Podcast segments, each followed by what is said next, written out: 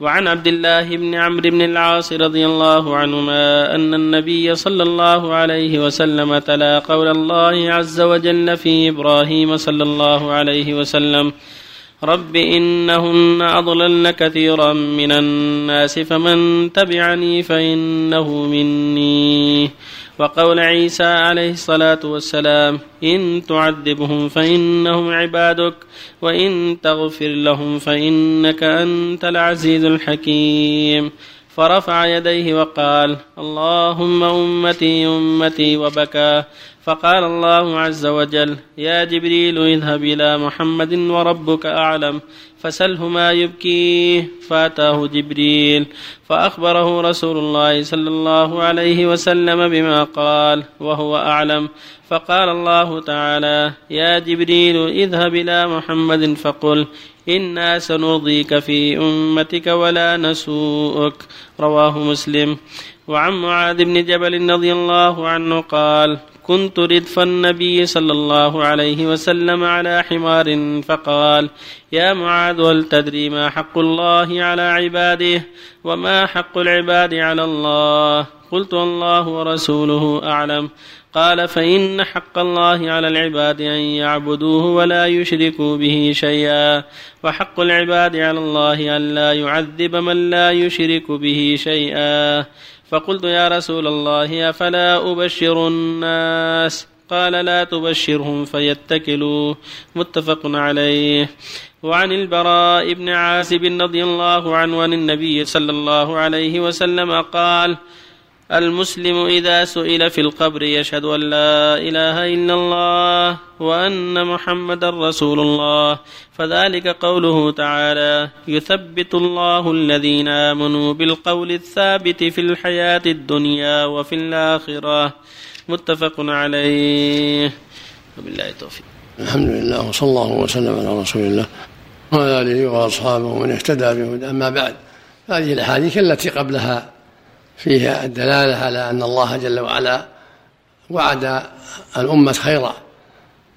الذين استجابت لله وللرسول وأن الواجب إحسان الظن بالله وأنه سبحانه هو جواد كريم لكن مع الحذر من الغرور والإقدام على المعاصي أو الإصرار عليها. فالمؤمن يكون حسن الظن بالله يرجو رحمته ويخشى عقابه مع الحذر من السيئات. يقول جل وعلا في قصة إبراهيم فمن تبع يقول إبراهيم لربه فمن تبعني فإنه مني ومن عصاني فإنك غفور رحيم.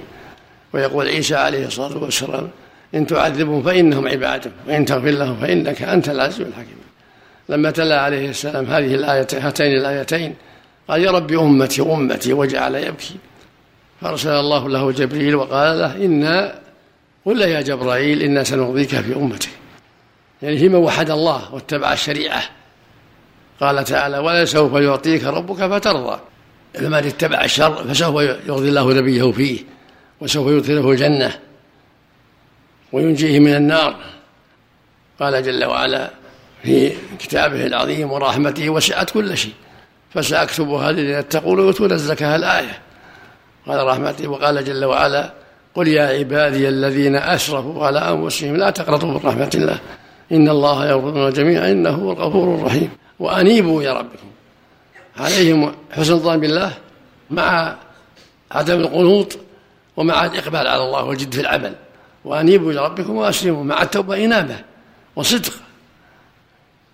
قال لمعاذ يا معاذ أتدري ما حق الله على العباد وما حق العباد على الله؟ قلت الله ورسوله. قال حق الله على العباد يعبدوه ولا يشركوا به شيء وحق العباد على الله لا يعذب ولا يشرك بشيء قلت يا رسول أفلا أبشر الناس قال لا تبشروا فيتكل ثم بشر بها معاذ في آخر حياته كما جاءت بذلك الأحاديث الصحيحة. أن من قال لا إله إلا الله وشهد أن محمدا صدقا من قلبه دخل الجنة. فالحق الذي الآخر امرت أن اقاتل الناس حتى يقولوا لا إله إلا الله. فإذا قالوها عصموا مني دماءهم وأموالهم إلا بحقها. حقها اتباع الشريعة وتعظيمها. الحديث الآخر امرت أن اقاتل الناس حتى يشهدوا أن لا إله إلا الله. وأن محمدا رسول الله ويقيموا الصلاة ويؤتوا الزكاة. فإذا فعلوا ذلك عصموا مني دماءهم وأموالهم إلا بحق الإسلام وحسابهم على الله متفق عليه من حديث ابن عمر رضي الله عنه. فالأحاديث يفسر بعضها بعضا ويدل بعضها على بعض. فالواجب على كل مؤمن أن يتقي الله وأن يراقب الله وأن يحذر نقمه الله بإصراره على المعاصي بل يكون حذرا بعيدا عن كل ما حرم الله عز وجل. يرجو ثواب الله ويخشى عقابه. كذلك قوله جل وعلا يثبت الله الذين قبل ثابت في الحياة الباقية. المؤمن إذا سئل في قبره قال أشهد أن لا إله إلا الله وأشهد أن محمدا رسول الله. فيثبته الله في قبره.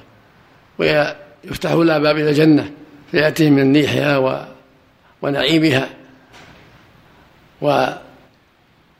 ويفسح له في قبره. وترفع روحه إلى الجنة.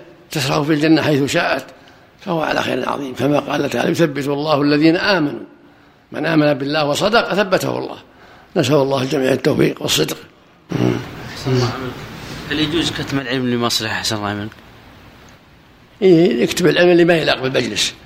الذي ما يليق بالمجلس كأن يخاف منه يتكل وما أشبه هذا لكن إذا وضح لهم أحسن.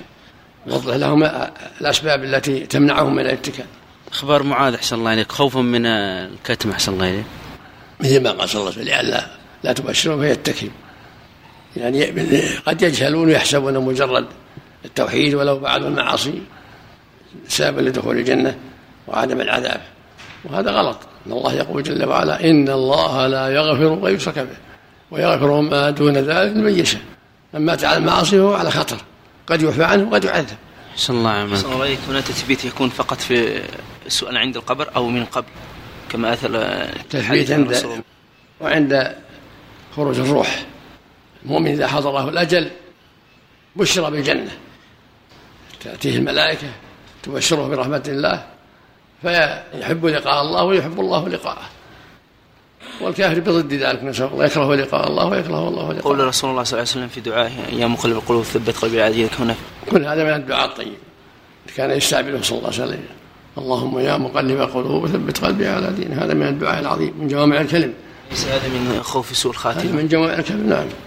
فإذا كان الرسول يقول ذلك فغيره من باب أولى. أحسن الله صلى عليه وسلم. الله عملك شيخ. بالنسبة للحديث السابق قليل قول وسلم لو تذنبوا لا الله بقوم يذنبون ويستغفرون. ما معنى هذا الحديث؟ صلى الله عليه على ظاهره إن الله جل وعلا خلق قوما يذنبون حتى تظهر آثار رحمته وعفوه ومغفرته وآثار انتقامه. وغشه هو سبحانه رحيم ودود وشديد العقاب. كما قال تعالى نبئ عبادي أني أنا الغفور الرحيم وأن عذابي هو العذاب الأليم. قال تعالى غافر الذنب وقابل التوبة شيء العقاب. لو كانوا كلهم مسلمين ما فيهم أحد كافر ولا عاصي لم تظهر آثار الرحمة والعفو والمغفرة. أحسن الله إليك. يؤخذ من حديث معاذ أن إذا سئل قال الله أعلم. من حكمة إذا كان ما عنده علم يقول الله أعلم. اذا كان ما عنده علم يقول الله أعلم.